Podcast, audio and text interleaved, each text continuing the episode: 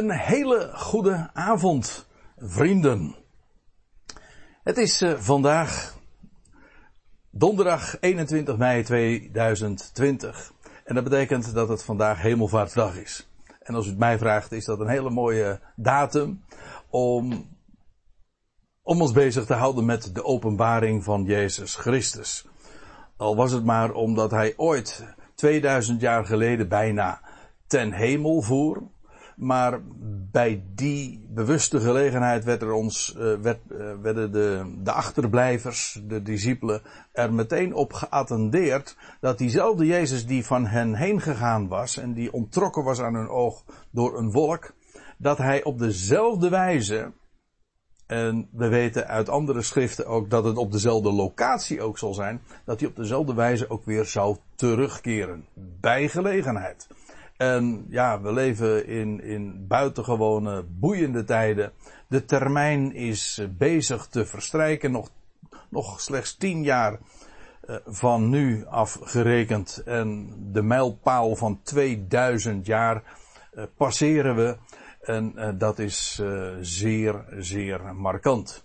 Maar ach, dat weten we niet alleen vanuit de schriften. We, we zien het ook bevestigd voortdurend om ons heen in de ontwikkelingen die gaande zijn.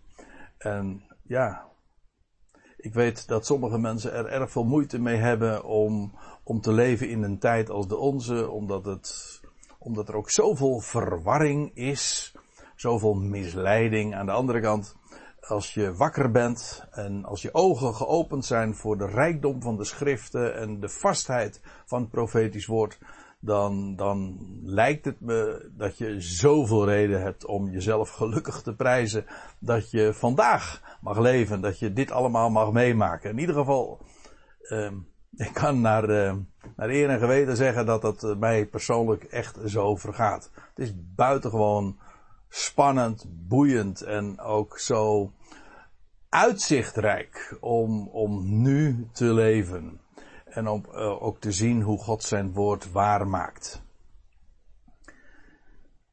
Het boek De Openbaring, ja, dat is, uh, staat in contrast uiteraard met de verborgenheid van Jezus Christus toen hij ten hemel voer. Uh, en een volk ontrok hem van, van hun ogen. En ja, toen begon zijn verberging. Sindsdien is hij niet meer uh, gezien hier op aarde.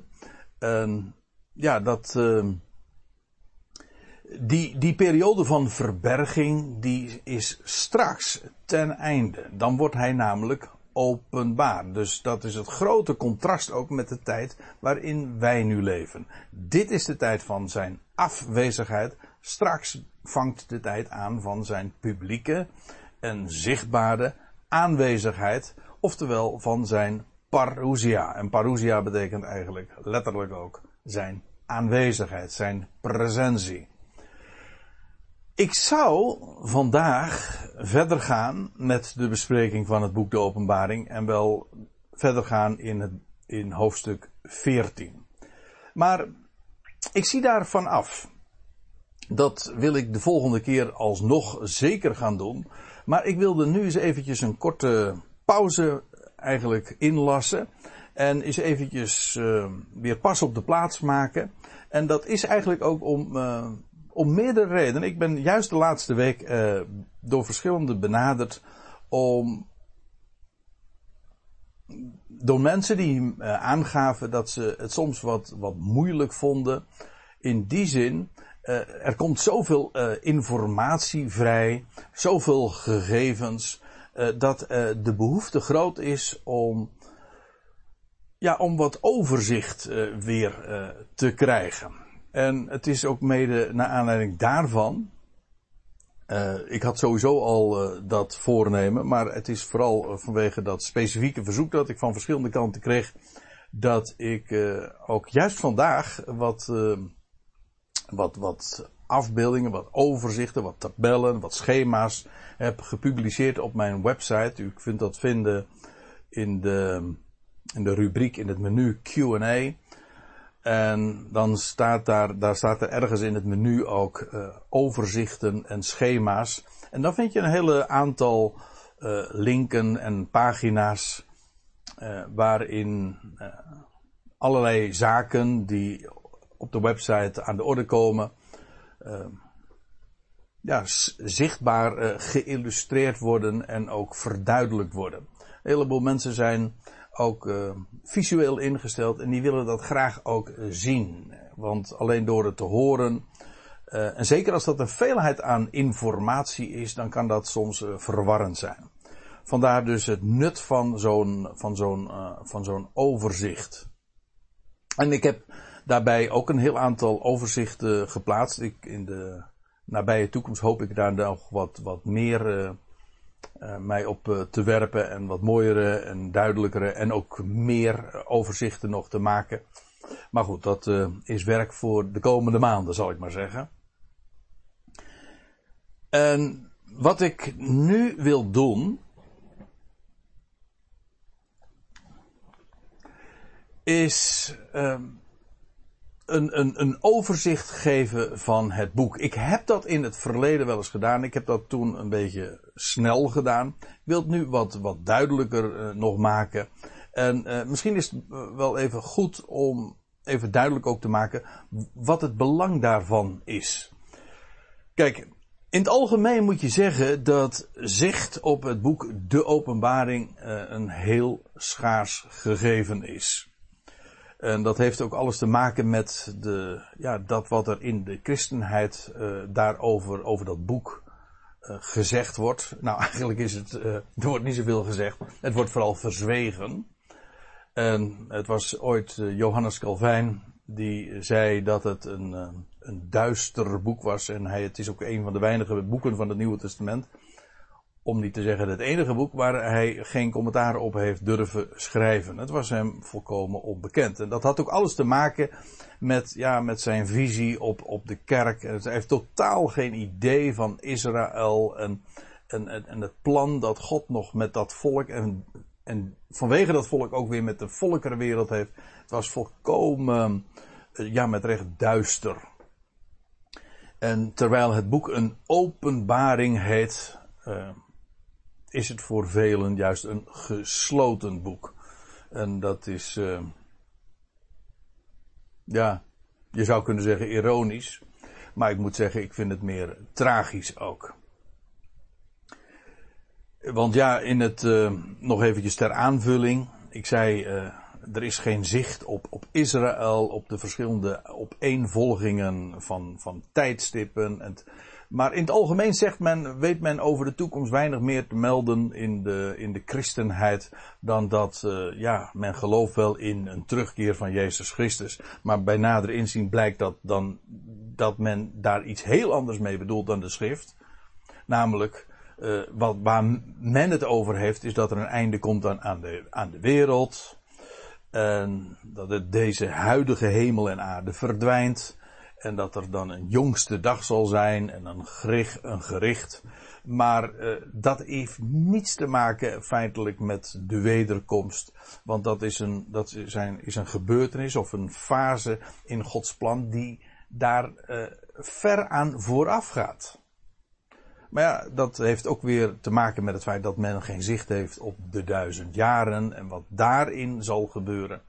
Kortom, het is een complete blinde vlek.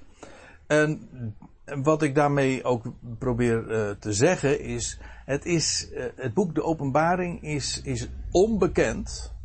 En ja, en het is een, een, een, een, een blinde vlek. En daarom is het van belang om, um, om die dingen ook duidelijk te maken, zodat heel veel mensen, dat, ik, ik, ik verneem dat heel vaak als ik uh, mailtjes krijg van mensen of reacties. En dan zeggen ze, joh, ik heb dat nog nooit gehoord. De dingen die jij naar voren brengt over de profetie. Uh, en, en niet alleen de profetie, maar zoveel andere dingen meer. Als de schriften opengaan, ze zeggen, ja, onze dominee of bij ons in de kerk is dat nooit verteld. In een mens, in, in, in, uh, in, in, eigenlijk in geen enkel opzicht uh, komt dat ook uit de verf. Er is nog een reden waarom ik uh, dat graag in een overzicht nog eens even op een rijtje wil zetten. Kijk, in het Nederlands kennen we de uitdrukking door de bomen het bos niet meer zien.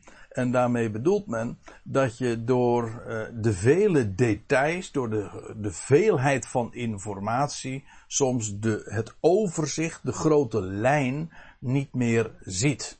En ja, dat, dat kan zomaar. Kijk, in, als je het hebt over het, het profetisch woord en dat wat, er, wat de schriften zeggen over die geweldige gebeurtenis en die reeks van gebeurtenissen die aanstaande is. Daar staat zo enorm veel over in, in de Bijbel. En dat, ja, de, de, stukjes liggen zo allemaal voor het oprapen. En het is aan ons om dat uh, bij elkaar te, te leggen. Dat wat past en schrift met schrift te vergelijken, zodat je op die wijze ook zicht zou krijgen op het, op het grote geheel en op het, op het panorama. Maar neem niet weg dat voor velen zijn het gewoon allemaal puzzelstukjes. Losse puzzelstukjes. En met, van velen. Van, met, met een, een veelheid van stukjes. En ja, dan, dan, dan zie je dus niet het grote geheel. Nou, dan is het van belang dat je eh, ook overzicht hebt. En dat wil ik uh, in deze Bijbelstudie ook daarom uh, graag eens, graag eens laten zien. En ja, in het algemeen is het zo dat heel veel mensen, en dat geldt niet alleen maar voor mensen die nieuw komen, die voor het eerst of uh, nog maar net met deze dingen vertrouwd zijn geraakt. Maar in het algemeen heb ik gemerkt dat heel veel mensen uh, het houden, uh, houden van, van iets, van een, van een simpele voorstelling. Nou ben ik, nou realiseer ik me heel goed dat het onderwerp, zeker als je daar diep in duikt, zoals we dat doen met het boek De Openbaring, en zeker ook als je dat heel vernieuwend doet, en hele nieuwe ontdekkingen daarin uh, doorgeeft. Uh, dan valt het niet mee om daarin uh, begrijpelijk te blijven. Ik, ik, ik ben me daar goed van bewust. in het Engels in of in Amerika heeft men, kent men het begrip ELI 5. en daarmee bedoelt men, dat is een dat zijn de initialen van de uitdrukking explain like I'm five. Dat wil zeggen, vertel het me, leg het me uit alsof ik vijf jaar ben. Kortom, de, de simpele, uh, de, de simpele versie. Dus men spreekt in het Engels ook wel over het, het KISS-principe. Keep it stupid simple. En, neem me niet kwalijk. Ik hou daar ook van. Ik hou er ook van om het uh, eenvoudig te houden. Maar ik moet, me er, uh, moet er tegelijkertijd bij zeggen dat wanneer je met de schrift uh, diepgaand bezig bent, dan kom je er soms ook achter hoe, hoe enorm gecompliceerd dingen kunnen zijn. Dat wil zeggen, er zijn zo enorm veel details dat je het ook weer niet wil, weliswaar graag simpel wil houden, maar, maar je wilt niet oversimplificeren dat je het simpeler maakt dan dat het is. Dus ja, dat is altijd een, een, een balans. Maar neem niet weg de behoefte om het simpel te vertellen, zodat je het ook, en dat is het punt dan vooral ook, zodat je het duidelijk kan maken aan anderen. Want ja, zolang het complex is, complex is en, en dat je zelf eigenlijk nauwelijks het uh, overzicht hebt, ja, dan is het natuurlijk ook uh, onmogelijk om het aan een ander op een begrijpelijke wijze duidelijk te maken. En ik denk dat dat heel belangrijk is. Ik denk dat je iets pas echt geleerd hebt wanneer je in staat bent om die kennis ook aan anderen door te geven. Maar dat betekent dat je het eerst zelf verwerkt moet hebben en zelf ook daar een duidelijk beeld bij te hebben, een zicht erop, een overzicht. En ja, soms ga je naar de details en dan pak je de microscoop en dan zie je allerlei dingen die je anders absoluut niet ziet. Maar in het algemeen is het ook van belang om wel eens eventjes de microscoop te, terzijde te leggen en weer, eh, zodat je het grotere zicht krijgt. En soms uh, is een microscoop van belang, namelijk om de details te zien. En soms heb je juist een telescoop nodig om, uh, om, het, uh, om, het, om het grote zicht te, te hebben. Nou ja, het zijn zomaar een paar argumenten die. een paar redenen waarom het denk ik van belang is om, om een overzicht te hebben. Nou, laat ik dan nu even gaan naar het boek De Openbaring. En wat ik wil vertellen is dit. Daar komt het eigenlijk op neer. En dit is dan uh, de ELI 5 uh, versie inderdaad. Het boek De Openbaring bestaat uit twee series die parallel, synchroon lopen. Ik heb dat hier in dit plaatje duidelijk willen maken. Het zijn twee series, de hoofdstukken 6 tot en met 11. En vervolgens de hoofdstukken 11 tot en met 19. Hoofdstuk 11 is overlap, ik kom daar straks nog even op terug. Maar hoofdstuk 6 tot en met 11 loopt synchroon, of zo u wilt, parallel met hoofdstuk 11 tot en met 19. En ze beschrijven opeenvolgende fasen in dat, dat plan van God. En in verband ook met de parousia. En het gaat over Israëls gericht. Daar begint het allemaal mee. Eerst wordt Israël uh,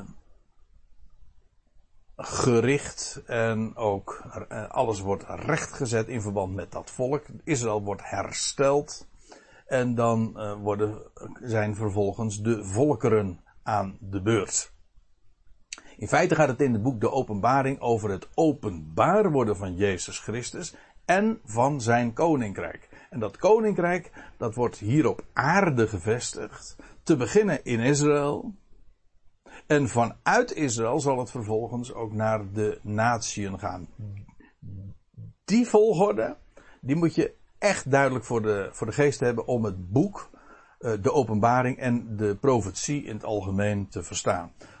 Israël is Gods kanaal waardoor hij de wereld gaat zegenen. Dat betekent dat als, als er heil van deze wereld is en, en dat ook zichtbaar gaat worden, dan zal dat via dat volk gaan. Maar dat betekent dus dat eerst ook Israël in haar positie gesteld moet worden. Nou, dat is wat in het boek De Openbaring ook zichtbaar uh, wordt. Nou, nogmaals, je hebt dus twee synchrone series. In hoofdstuk 6, laat ik het eventjes op een rijtje dan zetten. In hoofdstuk 6 wordt Israëls gericht beschreven. In hoofdstuk uh, de, dat is het hoofdstuk over de zegels. Dan krijg je hoofdstuk 7, waarin Israëls herstel wordt beschreven. En dan in hoofdstuk 8, in hoofdstuk 9, hoofdstuk 10, hoofdstuk, het slot van hoofdstuk 11 gaat het over het gericht over de volkeren. Dat herhaalt zich in hoofdstuk 11 tot en met 19. Hoofdstuk 11 tot en met 19 beschrijft dus dezelfde periodes als hoofdstuk 6 tot en met 11. Maar op een andere wijze. En dan krijg je dus het verhaal dat hoofdstuk 11, 12 en 13 ook over Israëls gericht gaan. Hoofdstuk 14 en 15 spreken van Israëls herstel. Daar zullen we de volgende keer uh, mee gaan beginnen. En hoofdstuk 16, 17, 18, 19, dat gaat over het, uh, de tijd dat uh, het koninkrijk wereldwijd ook baan gaat breken, maar vooral ook eerst de gerichten over eh, de volkeren zullen gaan. Nou, deze opeenvolging in het boek De Openbaring, deze hele chronologische opbouw, die over het algemeen niet gezien wordt, maar ik wil dat heel graag vertellen, want als je dit eenmaal ziet, is het eigenlijk ook uh, niet alleen maar heel uh, simpel, maar het is ook heel logisch dat het op deze wijze zich uh, ontvouwt. Maar de wijze waarop het boek Openbaring dus is opgebouwd voor het allergrootste gedeelte van hoofdstuk 6 tot en met 19. Ik laat de voorgaande en de navolgende hoofdstukken even in dit verband buiten beschouwing. Maar die opbouw is heel eenvoudig en simpel. Nou, dan wil ik dat graag uh, eens uh, laten zien. In feite zou je kunnen zeggen dat het bestaat, het hele boek uh, de Openbaring, uit vier fases. De eerste fase is de, de inleiding, de vestiging van het koninkrijk over Israël. En de tweede fase is dat het koninkrijk over Israël gevestigd is. Dus in de eerste fase wordt, uh, het, koning, wordt het koninkrijk gevestigd. Dat wil zeggen, de Israël wordt uh, gericht. En in de tweede fase is dat inmiddels gerealiseerd. En in de derde fase eh, vind je de vestiging van het koninkrijk over de volkeren. En dan in de vierde fase is, uh, dan is het koninkrijk over de volkeren gevestigd. En dan begint feitelijk ook de nieuwe, de volgende Aion. Die vier fases, die wil ik graag laten zien aan de hand van deze hoofdstukindeling. Want uh, dan ja, dan zie je eigenlijk het patroon wat ik in de vorige dia ook liet zien, uh, duidelijk uh, terug. En dan kun je ook zien hoe die fases zich uh, voltrekken. In hoofdstuk 6, dan, dat is het hoofdstuk waarin de zegels van dat boek, van die boekrol, worden geopend. En de zon en de maan wordt verduisterd. En dat eindigt dan met de verschijning op de olijfberg. En wel, dat is de eerste fase. Dat is de tijd uh, waarin het, uh, het, koninkrijk over Israël wordt uh, gevestigd. Dan in hoofdstuk 7, daar vind je de beschrijving van de grote scharen uit alle volkeren, talen en natieën dat is het volk van Israël, dat uit de hele wereld verzameld zal worden. En uit dat volk wordt weer een selectie van 144.000 mannen uh, bijeen verzameld en worden ook verzegeld, want die krijgen een belangrijke missie in de fase die daarop gaat volgen.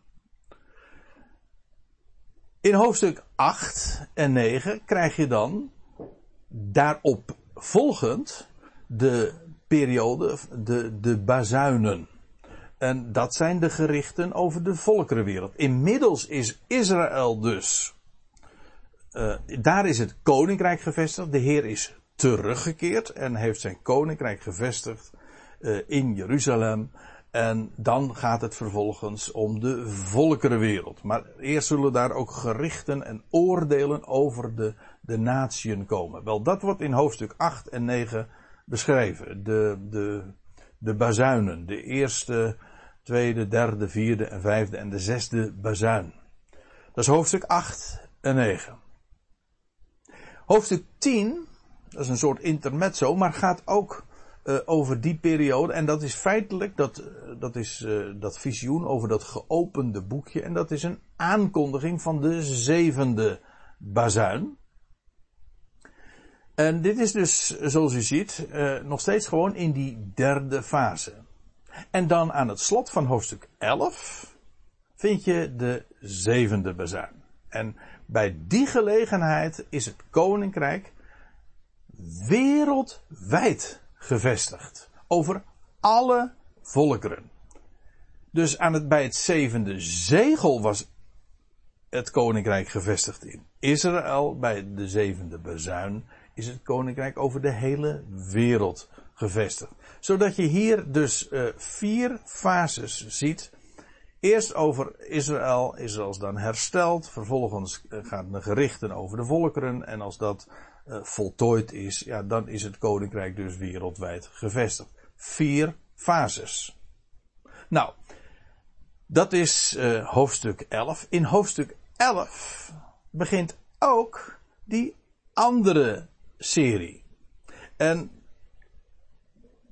hier, uh, en dat is een, uh, een heel eigenaardig verhaal. uh, begint in hoofdstuk 11, heb je het verhaal ook over de twee getuigen. En, dat, en die treden dan op in, in, in dat begin ook, gedurende de 1260 dagen. En het eigenaardige is vooral dat, dat je zou verwachten dat na dat geopende boekje eerst de beschrijving zou vinden van, zou aantreffen van die zevende bezuin. Dat zou je verwachten, maar gebeurt niet. Je krijgt eerst de beschrijving van die twee getuigen. Zodat in feite wat je ziet is, uh, er vindt een omkering plaats. Dat wat je uh, na dat geopende boekje zou verwachten is de zevende bezuin. Namelijk het Koninkrijk Wereldgeverwijd gevestigd. En dan vervolgens een nieuwe, de nieuwe serie. En dat begint dan weer met de twee getuigen. Maar, maar zo wordt het niet in het boek Openbaring gepresenteerd. En ik kan maar één reden daarvoor bedenken. En dat is dat die twee series aan elkaar gekoppeld worden. Als een, als een ketting. Deze twee series uh, worden op deze wijze aan elkaar gekoppeld. Je kunt ze niet uit elkaar trekken. Vandaar dus dat de, het begin van de tweede serie eigenlijk nog uh, al, is ingekapseld, om zo te zeggen of ingesloten in die eerste serie. Je zou kunnen zeggen dat dit het enige complexe gegeven is in de chronologie, maar het is niet complex. Het heeft een bijzondere reden en dat is dat die twee series, zoals gezegd, dus uh, als in een als twee uh, schakels van een ketting aan elkaar verbonden zijn. Deze twee series uh, zijn dus duidelijk inderdaad van elkaar onderscheiden en toch, ze horen onlosmakelijk aan elkaar vast. En dat is de, de reden, als u het mij vraagt, waarom dat hier in het boek De Openbaring op deze wijze wordt, die, die, die tweede serie aanvangt. Maar goed, je krijgt dus de twee getuigen in hoofdstuk 11, in hoofdstuk 12 uh, diezelfde periode die ook beschreven wordt in dat visioen van de draak, de zoon en de vrouw in de woestijn. Die mannelijke zoon die wordt weggerukt en de vrouw die vlucht naar de woestijn. Allemaal vindt dat plaats in die, in die eerste fase. Net zo goed als trouwens in dat wat in hoofdstuk 13 beschreven wordt. Namelijk het beest uit de zee. En het beest uit het land, waar ik het uh, de vorige keer trouwens over had. Dat vindt namelijk allemaal plaats in die 1260 dagen, of in die 42 maanden, of in die tijd, tijden, een halve tijd. Dat is die drie, die beroemde, die beruchte, uh, drieënhalf jaar. Aan het einde daarvan, van die periode, ja, dan zal de Heer verschijnen op de Olijfberg aan Jeruzalem. En dat is dus in feite het einde van de eerste fase. Dan krijg je logischerwijs de tweede fase. En dat is wat in hoofdstuk 14 beschreven wordt. En dan komen weer die 144.000. Die we ook in hoofdstuk 7 dus tegenkwamen. Uh, weer op de proppen. En wat ze, die 144.000 gaan doen, is het eeuwig evangelie. Het evangelie van de toekomende eeuw uh, wereldwijd verkondigen. En dat gaan ze doen in een tijd dat, ja, dat, uh, dat, uh, in, dat het in de wereld, in de, in de volkerenwereld, een hele heftige periode zal zijn. Dat er velen ook zullen omkomen. Maar die 144.000 zullen daarvoor beveiligd zijn, verzegeld. En zal niets treffen, geen enkel onheil. Zij worden er dus op uitgezonden en zij gaan het evangelie van het koninkrijk uh, over de hele wereld uh, prediken en aankondigen.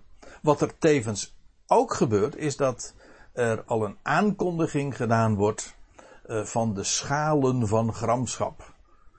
zo wordt dat genoemd. In hoofdstuk 14 wordt dat zo beschreven.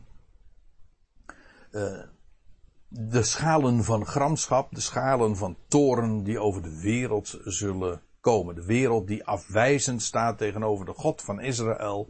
Wel, ze zullen hem tegenkomen. En dat wordt aangekondigd. Wat er trouwens uh, uh, in hoofdstuk 15 uh, ook beschreven wordt, is het, het, zogenaamde lied van Mozes, gezongen door de overwinnaars. En dat heeft ook alles te maken met Israël, die door uh, de, die verlost, het volk dat verlost is, en dat hetzelfde lied zal zingen als wat ooit Mozes zong aan de andere kant van de, van de Rode Zee. En dat ze veilig uitgeleid en verlost waren.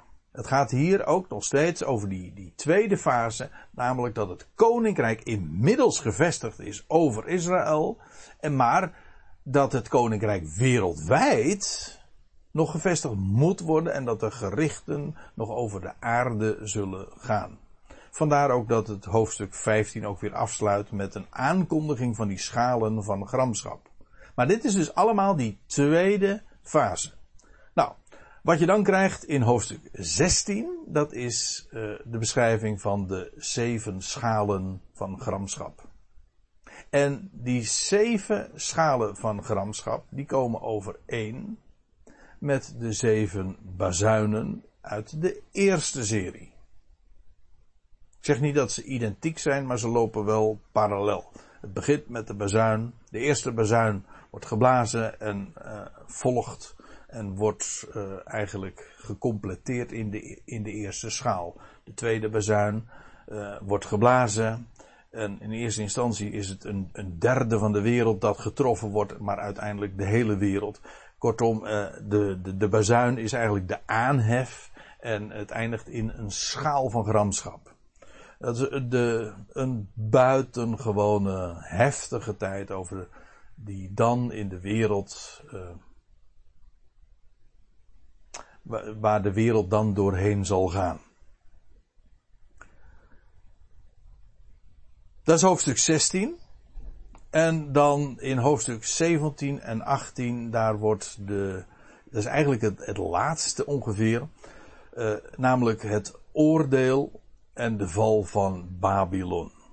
Uh, als, als die stad gevallen is, wel, dan is inderdaad dan hebben de gerichten de aarde getroffen. En Babylon blijkt dus, uh, de stad Babylon in, in Irak. Ja, ja, die, wat nu nog alleen maar een, een ja, een betrekkelijk onbetekenende stad is.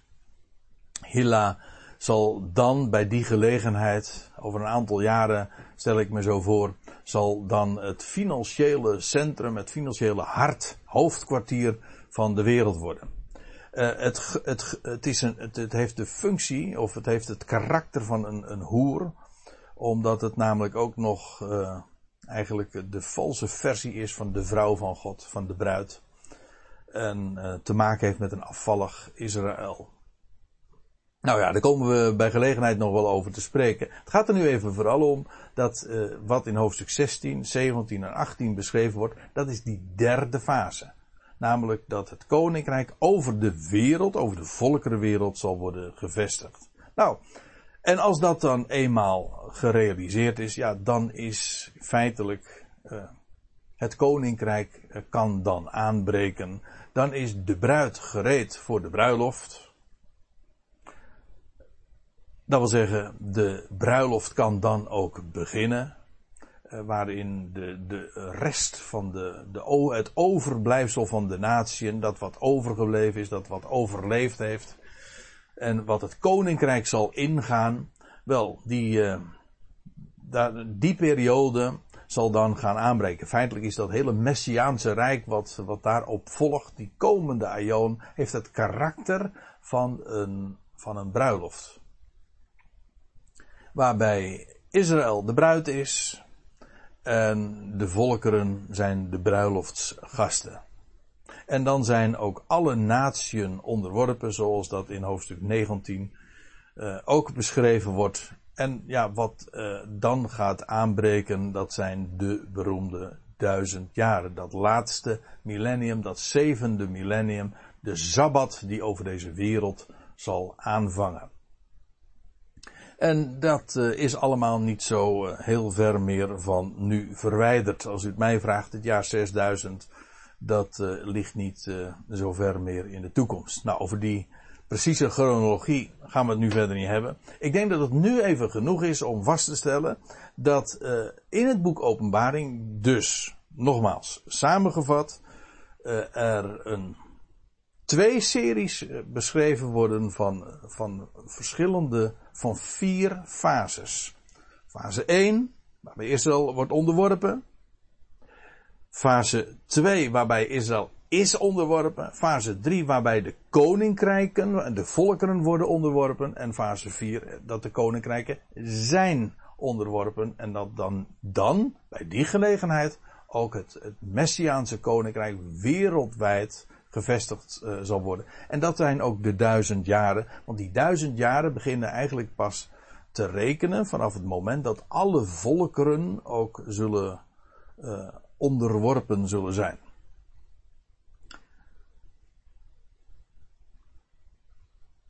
Wel, de volgende keer gaan wij dus uh, verder met hoofdstuk 14. Maar het leek mij zo halverwege de bespreking van, van, van, deze, van deze hoofdstukken. Leek me goed om bij deze gelegenheid dit nog eens duidelijk uh, naar voren te brengen. Zodat, zodat het voor iedereen ook uh, begrijpelijk is. En wat ik vooral ook heb, hoop duidelijk gemaakt te hebben is, is dat uh, de, de opeenvolging in het boek uh, heel logisch is en, en chronologisch. Nou, als ik dat heb kunnen duidelijk maken in deze, voor mijn doen, zeer korte Bijbelstudie, dan heb ik mijn doel daarin bereikt. En zoals gezegd, de volgende keer pakken we de draad weer op en dan gaan we hoofdstuk 14 bespreken. En dat is dus weer een hele nieuwe fase, fase 3, uh, in dat boek De Openbaring. Nou, ik wilde het graag hierbij laten. En ik wil jullie heel hartelijk danken voor jullie aandacht. En ik zou zeggen, tot een volgende keer. God zegen allemaal en tot ziens.